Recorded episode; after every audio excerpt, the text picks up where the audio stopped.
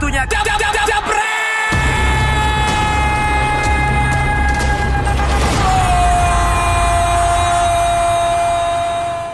Nah Jebreters tadi belum denger pasti ya. Ah, terus kalau habis. belum denger tadi udah pada nonton belum mau menonton. Tuh, Jadi ya. menonton tuh setiap hari Kamis jam 7 malam ada terus live langsung di Jebret Media TV. Jadi harus nonton karena kita ngebahas semua seputar sepak bola wanita. Nah, jadi nggak cuma pria aja sih, semuanya kita bahas dan pastinya ada Intan di sana dan juga ada narsumnya bisa Kang Jalu ya. Iya ada Kang Jalu. Oke, tapi kita fokus dulu sekarang di DPI karena DPI juga dulu, oke, kalah oke. seru. Tapi sebelum kita ngebahas panjang lebar, yang pastinya kita juga minta kalian selain subscribe juga harus like dulu Yap. YouTube kita dan juga pasti komen karena nanti kita masih banyak apa ada akan juga giveaway-nya untuk. Komen-komen terbaik. Iya. Dan kita juga mengingatkan lagi untuk Jebret Stadion Goes to UK Jilid 2 pastinya kalian ada wajib yang harus dilakukan yaitu mengirim video Kenapa sih alasan kalian layak?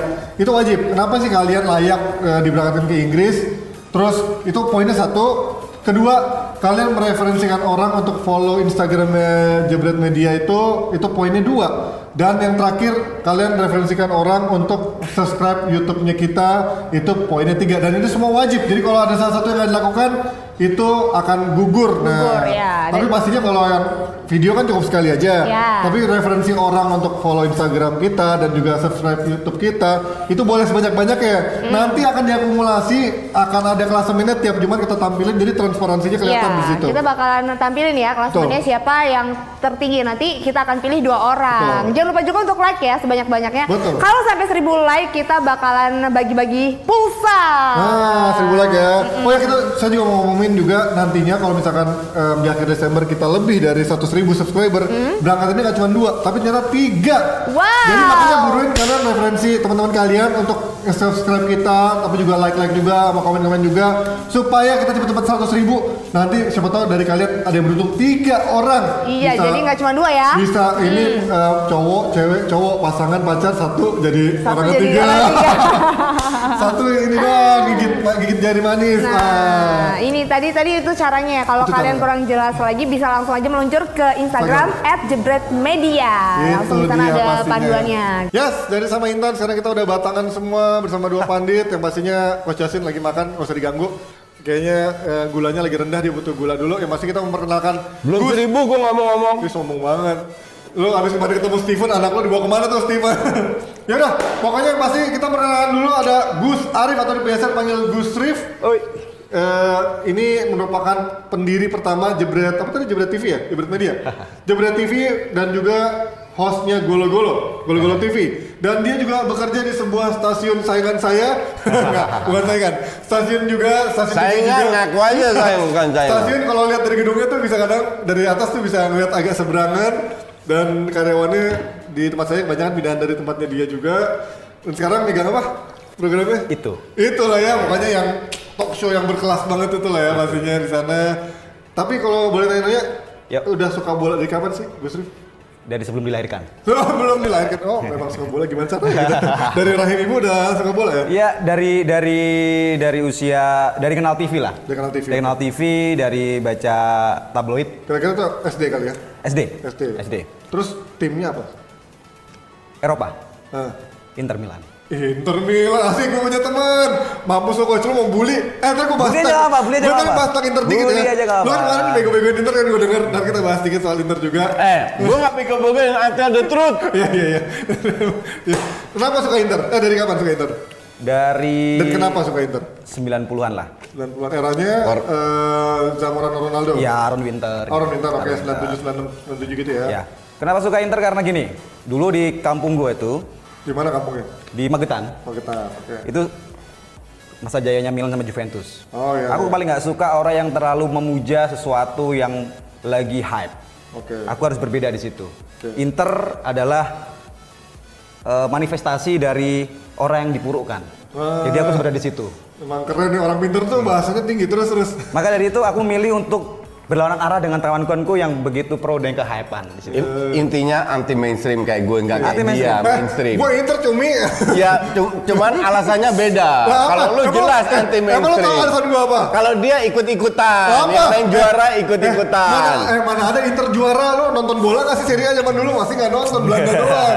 Jelas-jelas Inter itu Ya. puasa trofi lama dari 97 sampai tahun 2000-an, ya kan? 89. Ya, 89, ya, 89 kan eranya terakhir Mateus dan trio trio Jerman kan. Paling ada trofi trofi UEFA Cup doang. Nah, itu zaman gue itu. Iya iya. Mateus. Serie A kan baru ada pas eranya Calciopoli akhirnya Inter bisa juara. Jadi kalau dibilang kardus juga sebenarnya kita nggak kardus kalau suka Inter Kardus. tahun 90-an. Apaan? Lu suka Barcelona? Inter, eh. Kardus. Kardus Inter. Inter kardus nggak apa-apa. Eh Arsenal tuh kardus tuh. Iya benar. Apa Pak? Siap. Oke, kita mau dari bahas Mampu sajar. Oke, itu sedikit perkenalan dari Gus Rif. Siap ya em, debat sama Coach Jason yang bawel ini. Kemarin Steven Bukan anaknya debat sih, diskusi aja sih. Diskusi, Diskusi ya. aja sih. Tapi dia kasar kadang-kadang. Kemarin Kok kasar sih? Keras kali keras. Apa kasarnya? Keras, keras, keras. Orang kita itu terlalu cemen tau nggak? Iya, Di dikerasin dikit masukin hati. Iya, iya. Tapi kemarin Steven nggak. Oke. Tuh kan bela lu anak lu enggak, sendiri, lu lu banyak boleh kepentingan. Nggak, nggak, nggak, nggak, Kalian nggak, nggak, nggak. followers boleh nggak suka sama dia bla bla bla, tapi dia kemarin nggak baperan. Iya, iya, Steven tuh siapa sih Steven? Kemarin ada pandit online yang apa penonton diajak sini sama dia dihajar. Lu kok sama gue dihajar Ya lu sih? kan dimaki-maki. Enggak, gue tanya dia. Lu ngerti? Gitu. Enggak, gue itu mendidik dia dengan cara gue. Lu kayak ya apa guru zaman dulu Ma- kasar. makanya gue tanya sama dia, setelah ini lu belajar banyak nggak? Iya katanya. Ini bener dong. Iya kan? Tapi penting anak sekarang memang butuh untuk dikerasin seperti itu karena Iya betul. Jadi betul sekali. Apalagi eh, sekarang kan multi platform untuk mendapat informasi, jadi orang gampang. Nah, Sekarang dengan adanya sumber sumur ilmu ini, sumur ilmu, sumur ilmu kita dengan nimba aja dari Coach Justin. Karena Makanya kalau- udah berani masuk ke layar seperti ini juga Iya. harus berani Betul. menerima resiko. Harus kan. resiko, bener. Iya, makanya jangan bacot aja di sini, ke sini dong. Iya, betul. Gitu kan?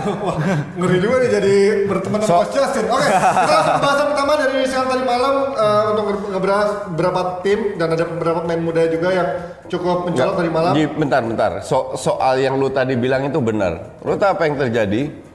Sebelum satu bola di Champions League ditendang, gue bikin review di akun gue, oke? Gue prediksi 16 tim kan, salah satu aja gue. Gue cuman salah satu, Ajax doang nggak lolos. Langsung ngebahas Ajax semua kan anjing. Nggak dibahas 15 yang gue bener. Ya inilah. Hanya juara- satu aja yang gue nggak lolos dibahas sama mereka. Ini juara grup Itulah grup ne- ya. netizen netizen datang ke sini kalau berani. Jangan ngomong si, si di situ doang. Yang pasti nah ini juara grupnya. Madrid. Karena yang paling gampang untuk dicacat itu adalah kesalahan. Betul. Iya. Nah itulah itulah orang kita. Bisanya cuma lihat kesalahan orang. Atalanta siapa yang prediksi gue? Yang lain enggak. Oke? Itu Oke. bener. Itu benar.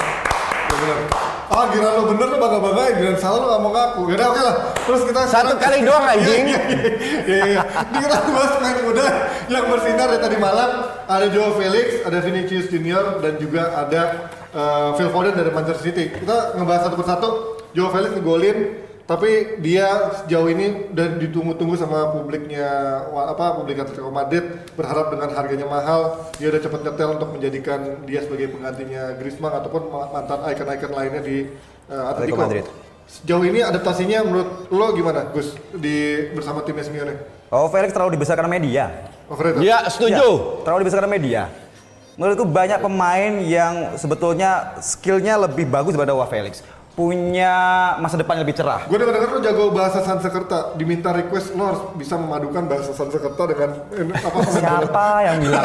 Valen pasti Valen. Gue pikir ke Harvard lebih punya peluang untuk jauh lebih besar. Besar dalam arti tidak hanya dibesarkan media, Bentar. tapi Lu sebut kayak Havertz. Iya. Tahu nggak lu udah siapa? Leverkusen kan? Oke. Pemain Jerman. Enggak, kalau gua mau mau cek lu aja. Wah, gila lo. Wah, atau enggak? Gila lo. Oke, lanjut. dari. TV. Oke, oke, oke. Tanyakan gue kayak gitu ya terus. menurut gue ke Harvard tidak didukung media. Ya. sehingga makanya dia dapat dapat dapat penghargaan kemarin itu sebetulnya bukan karena kemampuannya Wow Felix tapi karena media terlalu besar. Dan Iya, oke, betul. oke oke Wow Setuju. Felix punya market. Karena apa? Kedekatan dengan Ronaldo sama-sama Portugal. Jadi dia jadi eh, deputi nantinya. Aku jadi eh, penggantinya Ronaldo. Jadi media membesarkan itu. Saya pikir Wow Felix Ya so-so sih, Nggak, so-so. se- sebenarnya kalau dia punya bakat iya, Ya, karena dia masih muda. Tapi gue setuju terlalu hype, terlalu over attention, Yes. terlalu dan dan jelas-jelas sekarang ke- terbukti Atletico itu terseok-seok loh sekarang di La Liga. Betul, betul. Dan itu juga berkat dia. Dia baru cetak ber- ber- berapa gol? Secuil gol, dua atau kalau nggak salah tiga, nggak banyak lah. Ya. Ini juga kontribusi dia karena dia selalu diberi kesempatan untuk menjadi starter, oke? Sekali lagi karena dia masih muda, dia butuh waktu. Cuman jangan terlalu berharap pemain muda masuk langsung bisa tune in. Itu cuman eh, namanya Matthijs de Ligt dan Frenkie de Jong yang bisa. Media Ya, itu kalau gue kasih analogi nih, media, Ya, ya. media itu Santa Kerta nih. eh sorry, Bahasa Santa Kerta nggak? enggak, Oh enggak. Palen. Media itu bagi gue analogi gue adalah karbit. Nah, Media itu Kardus ya. ya kardus. Bapak kerja di media juga? Iya. Oh, ya, jadi. media dalam arti konteksnya ini konteksnya adalah eh, bagaimana bikin orang jadi bintang jadi market gitu. Ya, Oh Felix tuh punya bakat bener kata Coach Justin. Cuman dia dibesarkan oleh karbit tadi. Ya, ya. Jadi kalau mangga jatuh Tidak jatuh dari enak, pohon ya? Enak. Tapi kalau eh, mangga di karbit enak juga. Tapi nggak akan sepuas kalau mangga jatuh matangnya di pohon. Oh, itu Gitu. emang. Emang kan kalau Barbie Dengerin. Kalau Barbie Kumalasari di TV Bapak sering muncul tuh gimana, Pak? Waduh, bukan, bukan saya pak. Tanya yang munculin dong pak. berarti kalau menurut lo so-so atau memang dia masih butuh waktu aja? Si Joe Felix. Eh, dua tahun. Butuh At- wak- kita pembuktiannya dua tahun. Dua musim 2022 kita akan bisa ngelihat wow Felix yang sebenarnya. Dia besar karena media atau dia besar karena punya bakat? Tapi kalau menurut lo coach, dia kan emang posisinya bukan striker atau bukan goal getter kan? Emang Nggak, ekspektasinya dia dia itu posisinya lebih uh, second striker. Iya. karena dia gue ngelihat dia itu lebih cocok kalau dibanding bukan Ronaldo tapi lebih ke Hazard Iya, iya. yang harus free roll punya skill punya visi bermain cuman sekali lagi skill doang nggak cukup. Skill doang nggak cukup. Gue setuju bahwa dia butuh waktu. Gue tidak bilang dua tahun. Minimal satu dua tahun t- mungkin tiga tahun. Dia terbukti nggak bahwa dia akan menjadi pemain top dunia? Karena dia sekarang sudah di level di mana pemain top top itu lahir di La Liga. Bukan nanti kemudian tapi La Liga nah bisa nggak dia bersaing dengan pemain-pemain top dunia yang ada di Barcelona dan Real Madrid Atletico Madrid itu tim yang cocok buat dia jadi nggak nggak bisa salahin Simeone juga dengan ka- sering kali bermain bertahan dan lain-lain. Dia harus bisa adaptasi. Nah ini menjadi pembuktian bisa atau tidak. pemain top tuh kita harus apple to apple kita harus bicara soal sejarah sejarah itu bukan masa lampau sejarah itu masa depan yang belum terukur ya kan Iya.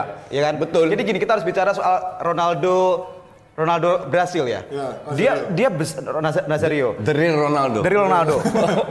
dia dia jadi pemain top bu- karena dia punya bakat. Oke, karena makanya ada tersemat julukan Il Fen- fenomena. Ilvan Menor. Ya. Kenapa? Karena dia dibesarkan oleh media karena media itu melihat dia, bukan media yang menciptakan dia. Oke. Media itu justru diuntungkan oleh kehadiran dia, bukan media mencari untung terhadap dia. Berbeda, ya, ya, kan? benar-benar. Kalau Felix itu Udah terlanjur ya jadi udah komersil naikin duluan. komersil dulu, media cari untung dari dia. Tapi emang bukannya sekarang kebanyakan wonderkid wonderkid itu sekarang kayak gitu kan emang udah udah nggak udah nggak terelakkan kan soalnya zaman dulu Iya. media nggak nggak seganas sekarang kan Sebenarnya sama, sebenarnya sama. Jadi kalau bicara Ronaldo tahun 90-an di PSV seperti apa? Ya. Jadi tracknya, eh, stepnya itu jelas. Ronaldo di PSV, terus kemudian dia bikin gempar cuman setahun di Barcelona, cetak 30 sekian gol dari 30 sekian pertandingan. Hover bisa seperti itu? Nggak, Cristiano Ronaldo bisa seperti eh, Cristiano Ronaldo pun melakukan hal yang sama dilakukan oleh Ronaldo. Messi melakukan hal yang sama dilakukan oleh Ronaldo, Nazario.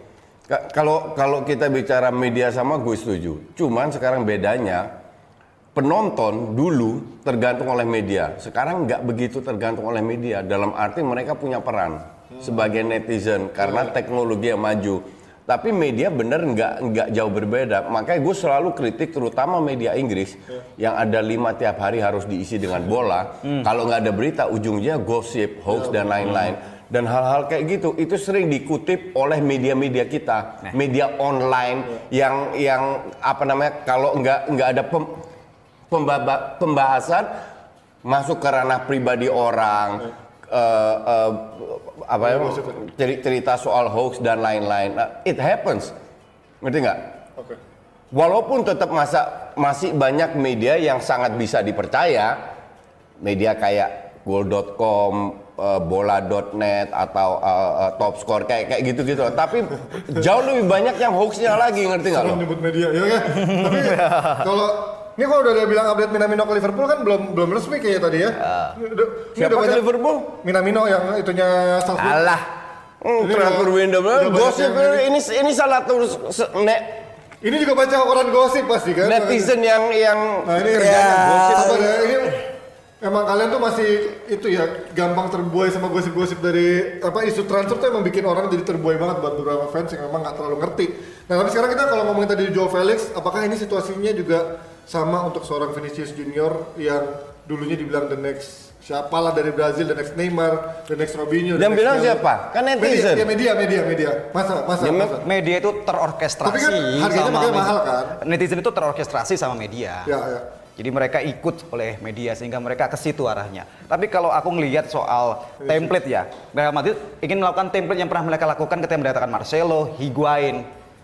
Jadi datangin Rodrigo, datangin Vinicius Junior itu mereka melakukan template. Ini soal bisnis menurutku. Jadi bisnis mereka seperti itu. Jadi ketika Marcelo datang di tahun 2000-an, Higuain datang di saat yang bersamaan dengan Fernando Gago, mereka juga melakukan yang sama di tahun ini. Karena rentangnya udah cukup lama mereka tidak melakukan itu. Dari Amerika Latin. Dari. Amerika Latin seperti itu. Sama. Tapi secara kualitas sejauh ini gimana? Apakah kan dia emang dibilang di, di Liga Brazil di review sebagai apa the most apa rising star lah zaman dulu sebelum pindah. Tapi dengan sekarang di Real Madrid kecepatan nggak sih untuk pindah ke Real Madrid? Inter Milan pernah melakukan kedunguan dengan merekrut Gabigol. Tapi jago di Brazil kan? Tapi jago di gitu. Brasil. Itu yang gua- i- itu yang gue bingung kenapa Inter Milan setolol itu bisa merekrut seorang Gabigol. Tapi setelah lihat gini, setelah setelah apa namanya beberapa. Beberapa musim setelah dia rekrut Gabigol, gue nggak heran juga sih. Kenapa? Ya, tolol semua Tapi- isinya Inter Milan. Gabigol juara di itu. Halo, please Flamengo. kardus, kardus. Loh. parameter juara kardus. Bukan, bukan soal juara doang. Dia kan juga berperan besar di final kemarin kan, dan juga di Brazil Final sebelumnya. apa? Enggak, enggak. Lah, Gini, final gini, gini, Libertadores lo nggak nonton ya? Kalau orang ngerti bola, di luar dia mau juara, dia mau juara planet pun I don't really care. Iya. Kalau lu lihat perbedaan Vinicius bermain, nggak usah ngecetak gol, dia pegang bola aja, cara dia lari jauh banget sama Iya, Gabigol. Iya, tapi efektifnya efektivitas orang juga dilihat kan. Kalau kita kalau kita bicara efektivitas itu ber- berdasarkan satu bulan, satu pertandingan, satu tahun atau Iya. 10 tahun. Iya. Kan nggak bisa lu nilai sekarang. Ya, ya kan kita lihat sekarang di di apa di apa di Flamengo jumlah gol Gabigol berapa? Brazil men, Liga I know. Brazil. Iya, Vinicius emang golnya sebanyak itu. Exactly, Brazil, maka belum tentu enggak, kan? bukan. Maka dari itu gue bilang lu kardus karena lu lihat jumlah gol di Liga Brasil. lu lu harus lihat Iya. gaya bermainnya. Ah. Dia punya bakat atau enggak? Dia bisa bermain enggak? Voltasnya gimana? Sekarang gua tanya, Visinya Pele gimana? dulu juara dunia Brazil mainnya di liga mana? Bukan masalah Enggak, liga. lu nggak bisa menilai dari kualitas liga Enggak, juga kan? enggak. Ah, loh, bentar, bentar, bentar, bentar, bentar. Bentar. Lu tidak bisa menilai bahwa pemain yang sukses di Liga Brasil karena lu bilang se- sebut tadi cetak gol berapa? Belasan. Oke, Ya. bahwa dia hanya cetok belasan gol, bahwa dia pasti berhasil di Eropa, Gue betul? nggak bilang masih berhasil.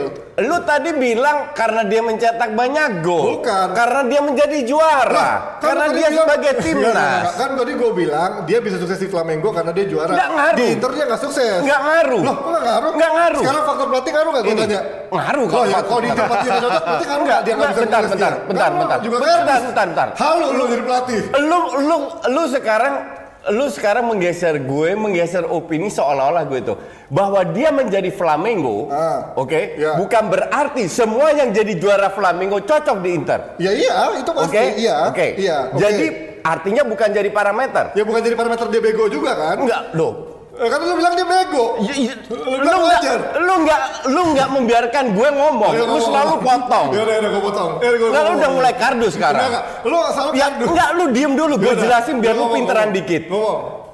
Lu sekarang ber- beranggapan dengan jumlah gol dengan juara seolah-olah di Liga Brasil di Flamengo itu berhasil di Eropa. Bahwa ada satu dua tiga pemain Ah. seperti Pele dan lain-lain berhasil, that's different cake. Bukan karena juara, stop. Ya. Bukan karena juara, Ya. bukan karena Flamengo, karena dia bisa bermain bola. Ya. Oke? Ya. Jadi faktor dia juara dia cetak 2000 gol it doesn't matter at all. Oke? Kembali lagi bisa nggak? ke-. Terus Nggak, nggak ngaruh. Ya lanjutin. Sekarang kalau lu lihat bedanya Vinicius dan Gabigol, orang yang ngerti sedikit bola aja akan tahu perbedaannya. Jauh banget. Iya. Ji, Mau Gabigol Ya, boleh, cetak 2000 gol, I don't care. Boleh, boleh. Ji, tambahin. nambahin dikit deh. Ya. Gue setuju sama Coach Justin. Nah. Secara teknis, Gabigol sama Vinicius, kalau dibandingin, memang secara teknis jagoan Vinicius Junior. Jauh. Gue sebagai fans Inter mendungukan Inter. Dan kritik, otokritik itu penting Panji. Ya. Sekarang anak-anak kita itu nggak mau otokritik. Dia mau kritik orang tapi nggak mau kritik diri sendiri. Ini yang salah.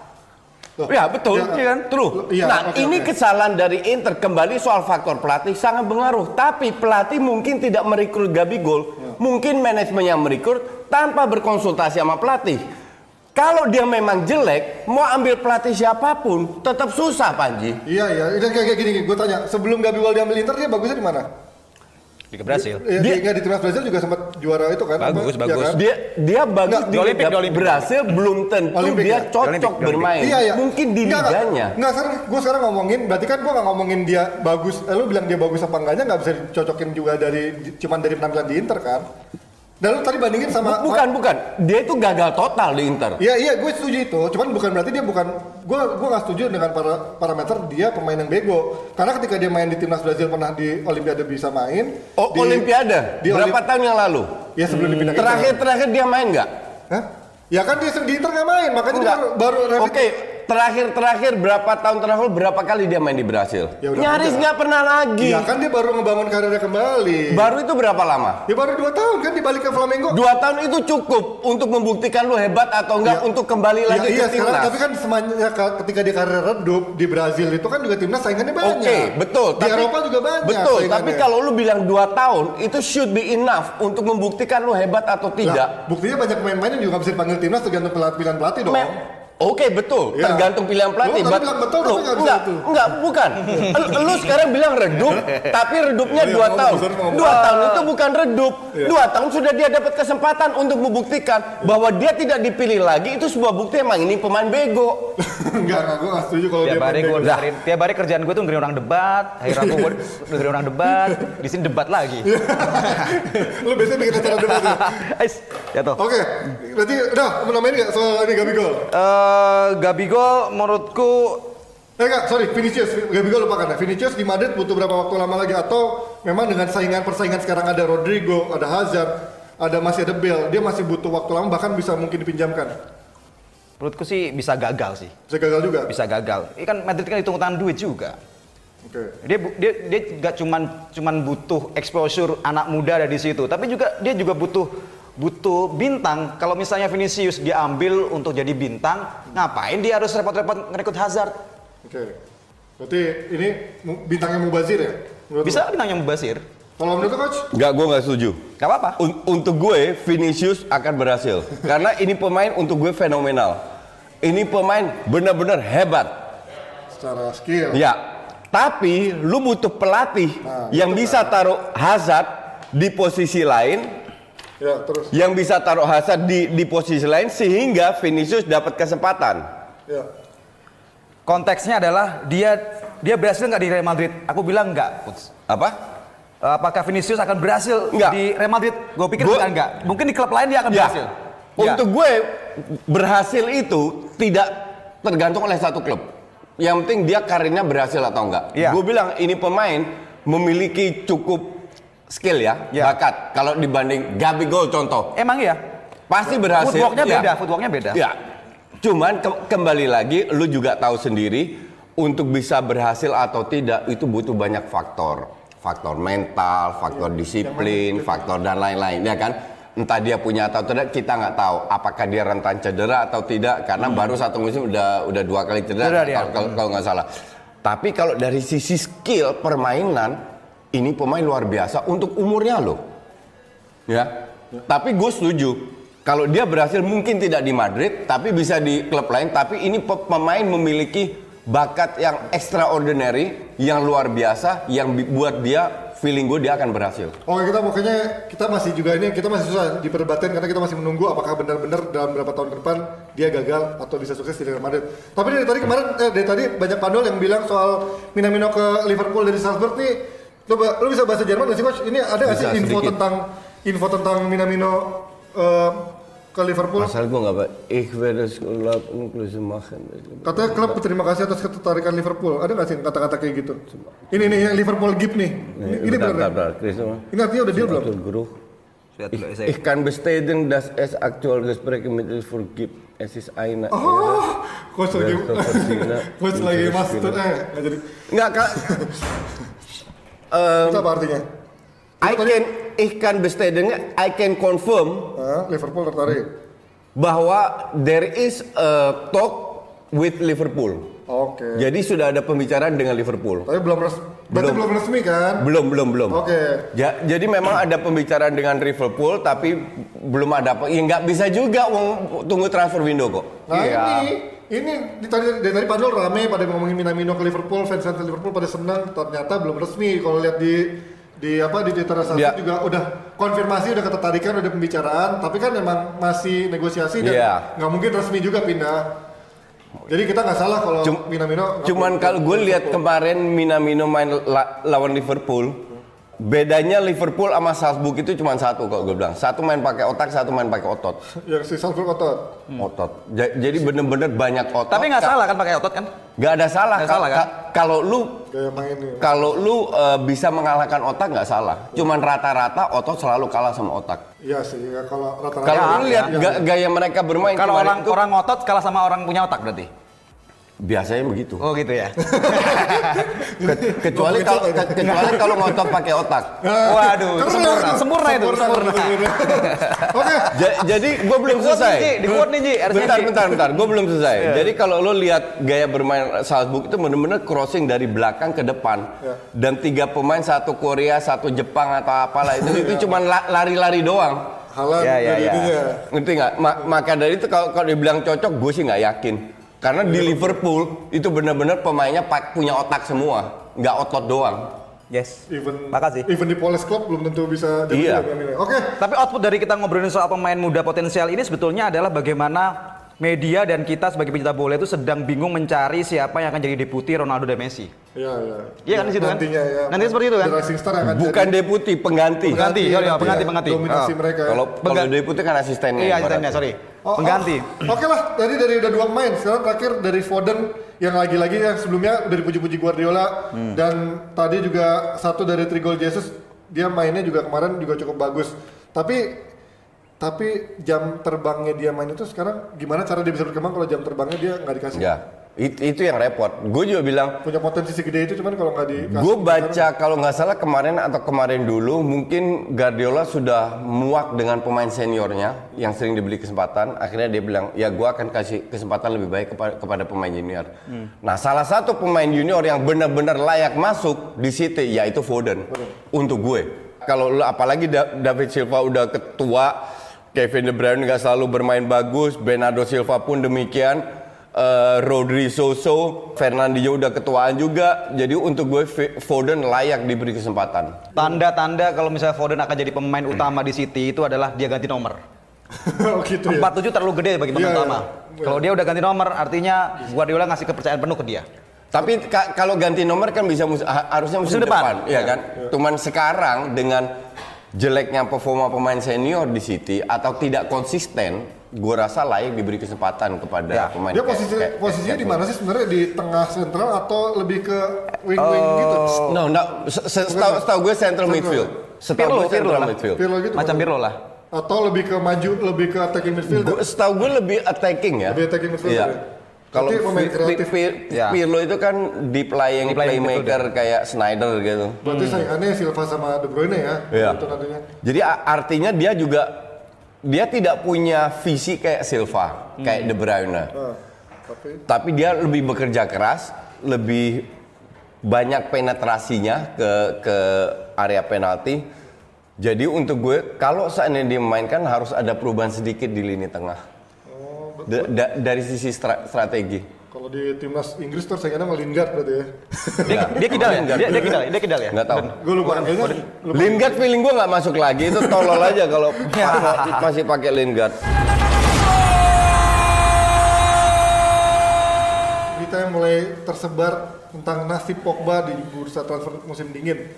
dengan dia udah nggak main lama karena cedera dan juga sekarang MU dibilang udah ada komposisinya udah mulai oke. Apakah Pogba masih dibutuhkan MU atau memang harus dilepas saja? Menurut Gus dulu lah sekarang. Dibutuhkan MU. Ya, atau masih bisa jadi pemain penting di MU. MU butuh MU masih butuh market, market player. Pogba itu market player. Artinya market player itu secara uang mungkin sekarang udah turun harganya.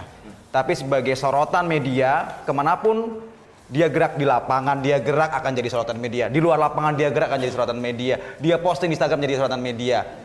Dan semakin banyak engagement dari orang yang suka MU ataupun gak suka MU itu dikapitalisasi sama MU. Jadi Pogba itu masih dibutuhkan, bukan sebagai player mungkin Jadi nanti, pemain komersil yang tapi buat- pemain komersial seperti itu. Gimana coach menurut lo coach? Ini Gue pemain bilang dia tetap masih punya potensi untuk bisa bermain di MU. Cuman dia harus rubah gaya mainnya. Karena dia dia selalu ter- terlalu ber- bermain terlalu lelet, terlalu mengandalkan skillnya, sehingga pada saat MU bermain bola cepat selalu ma- bola mandek di dia. Ya, Tapi lambat. iya, kalau dia punya potensi, iya, dia bisa membantu, iya. Masalahnya dia mau berubah nggak? Tapi di Juventus bukannya mainnya gitu sama. Di, gue udah lupa dia main. Di Juve, hampir. Nah, tapi hampir mirip sih. Aku masih ingat waktu final Liga Champions lawan Barcelona itu gaya mainnya Pogba juga seperti itu. Tapi dia tuh ada pelapisnya Vidal ketika itu. Nah, s- di MU nggak ada. Cu- cuman sekarang ini kan dilema. Either lu jual sekarang mumpung harganya cukup tinggi, nggak terlalu tua, diganti pemain-pemain yang iya ganti pemain lain, atau lu tetap paksa tidak dijual karena mereka tetap butuh sosok, butuh bintang, butuh nama.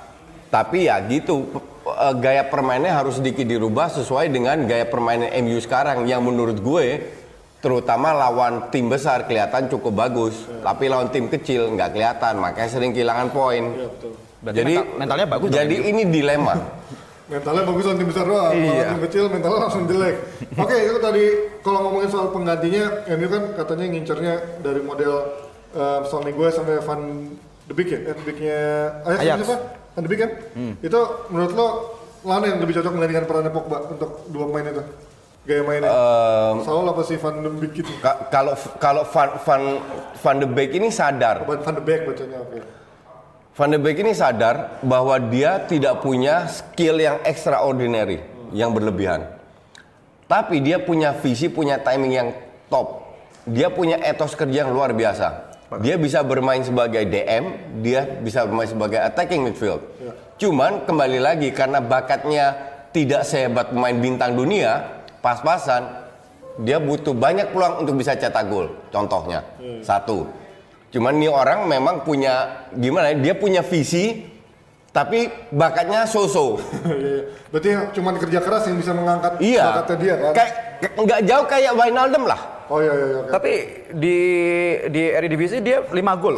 Ada 5 gol dia. Gua nggak tahu. berapa. Lima, maksudnya ngasih, ngasih tahu lima, dia dia lima gol lumayan. Maksudnya eh, benar kata coach Jasin, dia DM bisa, CM bisa, tapi dia juga punya punya apa namanya eh, naluri gol yang tinggi. Kalau dibanding sama Saul Enggak kurang tinggi. Dia dia tidak punya naluri gol kan karena dia butuh banyak peluang untuk bisa cetak satu gol. Oke. Sama kayak Wijnaldum itu dikritik oleh klub juga sebagai attacking midfield harusnya Wijnaldum bisa cetak. Oh, bacanya Wijnaldum ya? Iya. Wijnaldum. Oh. Harusnya dia bisa cetak lebih banyak gol. Dikritik juga. Cuman Wijnaldum sama pemain pinter, bisa bertahan, bisa menyerang, cetak golnya so-so, nggak dikit, nggak banyak. Tapi karena mereka Wijnaldum sudah bermain dalam tim yang luar biasa dan Klopp tahu bahwa pemain di tengahnya nggak ada playmaker, nggak ada pemain yang skillful, pekerja semua, maka dia taruh tiga pemain yang skillful yang bisa lari dan lain-lainnya. Oke, nah gue sebelum pindah ke Arsenal nih mau ngebahas dikit soal kejadian tadi malam yaitu soal Ronaldo yang disamperin sama tiga fans yang di fans ketiga ada sedikit uh, intrik yaitu Ronaldo-nya marah karena dirangkul sama fans. Ini sebenarnya menurut lo aturan kalau kan sering, sering nonton di Eropa kan coach. Ya. Aturan eh, di Eropa itu seketat apa sih ketika ada intruder masuk ke lapangan tuh? Ketat banget. Terus artinya bentar. Kalau lu bicara Eropa, Eropa itu gede. Eropa Utara, Selatan, Timur atau kemarin Barat. si Juventus lawan Bayer Ka- Leverkusen. kan? kalau kita Oh, iya. bicara klub besar, liga besar itu dia ada di Eropa Barat, Ya, bukan di Selatan. Barat, ya. Harusnya kalau di Jerman, setahu gue sanksinya itu berat. Sanksi Sanksinya buat- berat, ya buat penonton yang masuk ke lapangan. Apalagi kalau sudah mengheres itu gue gue masukin dalam kategori harassment ya. Kalau sudah mengheres pemain itu sanksinya berat, pasti berat. Cuman mungkin dia turis ke situ, mungkin dia fansnya Ronaldo dari dari Portugal. 3.000. Jadi kalau ditangkep pun nggak nggak peduli, yang penting dia bisa ngerangkul Ro- Ronaldo kan kita nggak tahu. Ya, tapi kalau misalkan itu berarti juga ada faktor pengamanannya kurang ketat nggak sih untuk tiga kali loh di laga kemarin tuh satu masih satu sama dua masih diterima Ronaldo yang ketiga karena udah meluk Ronaldo akhirnya Ronaldo yang marah. Setahu gue ya, se- itu di setahu Eropa gue ya? itu nyaris tidak pernah terjadi di Eropa penonton masuk ke lapangan. Bukan sering Ronaldo Messi disamperin Nggak. sama intruder-intruder gitu ya? Yang ujungnya ujungnya jadi kayak Se- drama sering drama mungkin Instagram. di di Camp Nou nggak pernah loh. Kita kita nggak nggak tahu, kita harusnya bandingin sih. Kalau mau kan ada data kan. Berapa kali ada Peace Invader datang terus kemudian Ronaldo menerima dengan baik. Iya, iya. Kita harus data, harus bandingin dong. Jangan cuman ketika Ronaldo seperti itu baru kita yang kita bahas itu. Kita harus bandingin. Enggak, maksud gua eh, ini dari sisi pengamanannya dan aturannya ini gimana sih kok? Ini kan kalau misalkan dia haters bisa bahaya kan? Ya gini, iya betul. Bisa bahaya Kalau lu lihat di. Inggris, Inggris, Inggris tuh kan nggak Nggak ada pembatasnya. nggak nggak ada pembatasan bisa dan dan nyaris pun nggak ada pemain, oh nggak nggak ada penonton yang masuk ke lapangan. Ya, ya, tapi ngelempar-lempar Karena sanksinya itu luar biasa kerasnya. Jadi tiap negara itu beda. Nah setahu gue di Jerman itu nggak gampang juga. Makanya gue agak bingung kok ini orang bisa Tiga masuk gitu. Biasanya Iya. orang-orang seperti ini tuh malah justru ketika dia ketangkep dapat exposure itu klimaksnya di situ buat mereka. Ya, Jadi kalau- tujuannya dia itu. Kalau- Feeling gue ya, itu bukan per- orang Jerman, bukan tinggal di Jerman, Fans bukan Juve. tinggal di Lerut, fansnya Juve, Datang fansnya. Ronaldo yang datang ke sana. Jadi kalau dia ditangkap, masuk Tolong penjara paling sehari, di band nggak boleh masuk stadion Leverkusen ya, so what? Oh, yo, nothing tulus buat Ngerti dia. nggak? berarti ya. Nothing tulus. ya itulah. Oke, kita sekarang balik lagi ke soal Arsenal. Di saat MU yang udah lolos, dia masih harus dak dikduk der lawan standar. Ya, Arsenal yang bahas, gue mau makan roti. Aduh. gimana menurut lo? Dengan kemarin banyak, eh, dengan juga ada beberapa banyak cedera, kansnya masih nggak sih dia eh, tersandung? Arsenal itu lima tahun ke depan seperti itu aja. Kampret. Tapi Enggak, emang bener sih. Jadi Woi dari mana woi? Tahun depan ganti pelatih. Siapa coba? Wenger lagi. Siapa aja ya enggak lah. Enggak, David Moyes tuh nganggur kebetulan. But, Inggris tuh butuh ada satu tim yang menggusur satu tim yang pernah di atas dan yang perlu dikorbankan memang Arsenal. gimana? Enggak setuju. Nggak setuju. Tapi gimana Gitu.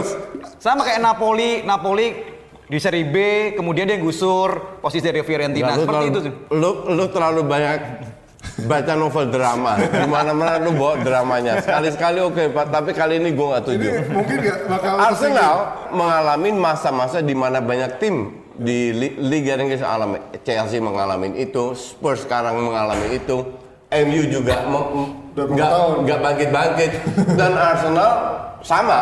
Iya. Sekarang kan jelas-jelas Liung begini tidak bisa mengangkat.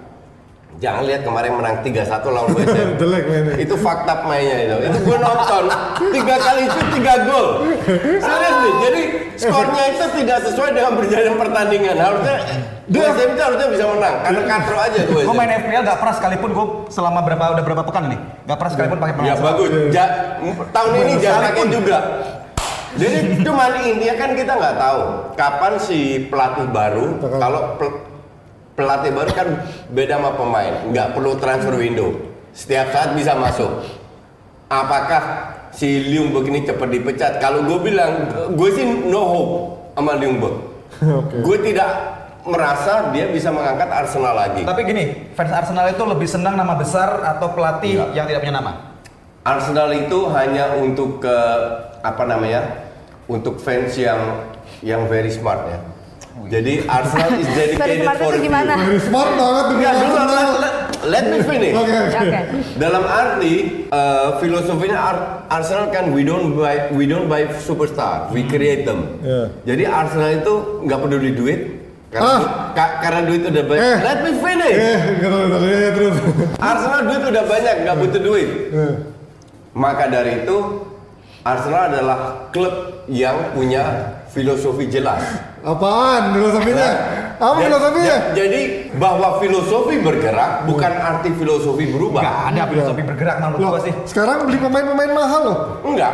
PP 70 juta, Lacazette. Aubameyang, Bentar, itu, Reno. itu cuma setahun sekali dia beli. Iya. Ta- tapi 10 pemainnya kan direkrut. Iya, Kan iya. banyak rekrutan. Ya, tapi pemain mudanya, Beda. pemain Be- mudanya udah gak ada yang jago Beda lagi sekarang. MU dan lainnya tiap tahun beli 5 pemain bintang lima. Eh, ini cuma Harry Maguire, kagak ada.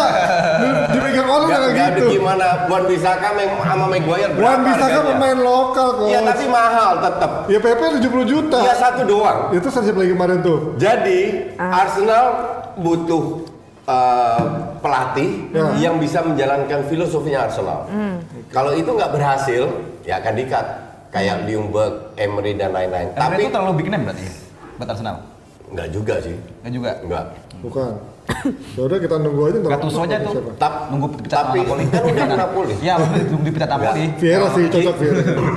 Gua harap nggak ada uh, pelatih dari Italia karena untuk gue pelatih Italia rata-rata katrok. Udah lagi menurun kali ya. Dulu kan jago-jagonya zaman Dulu, Ancelotti. dulu udah lewat masa itu. Oke, dan kita sudah ini gue juga mau sedikit intermezzo info kalau bahwa seorang Gus Rif ini ternyata yang mem, apa memperbesar seorang Maria Vania. Hah? Membesarkan Maria Vania. Oh. Eh, ya kan, Eh, bentar, betul kan? bentar. Membesarkan Maria Vania. Membesarkan Maria Vania. Ya, itu. Bentar, bentar. Coba tolong di, di- Dijelaskan. Tolong jelasin. Se- Membesarkan. seperti apa membesarkan? membesarkan dia dari kecil sampai besar atau gimana? Ya hanya dia sebagai talent, gue sebagai program maker. Oh, gitu. Ini loh, bantu nominasi saya aja berat. Nominasi PGA itu gara-gara lo ya? Eh, dua tahun yang lalu. Dua tahun yang lalu? Dua tahun yang lalu. Dua tahun lalu. Sekarang bukan lo lagi, lagi yang membesarkan eh, itu. Tahun ini apa tahun, tahun lalu? Lupa gue. Apanya? Lupa. Sekarang nominasi juga tahun ini. Pokoknya Yang Valen jebret. dapat, gue juga dapat lah. Gitu. oh, udah dapat dari mana-mana ya berarti? Iya. Ya kita kita butuh dibesarkan juga ya. Oh iya, Maksudnya butuh namanya dibesarkan. Kita tidak butuh dibesarkan karena kita akan besar sendiri. Wow, out betul betul betul. Betul. sekali katanya minta request golo-golo, komen golo-golo. Coba. Coba. Ya, itu cara golo-golo bawain coba. Satu serangan dibangun di sana dan semua gol tercipta gol. golo golo golo golo golo golo golo golo golo matahari terbenam dari timur matahari terbenam dari barat, senja pun jadi hias saja, oh. hai pemirsa, inilah dia waktunya. Jab,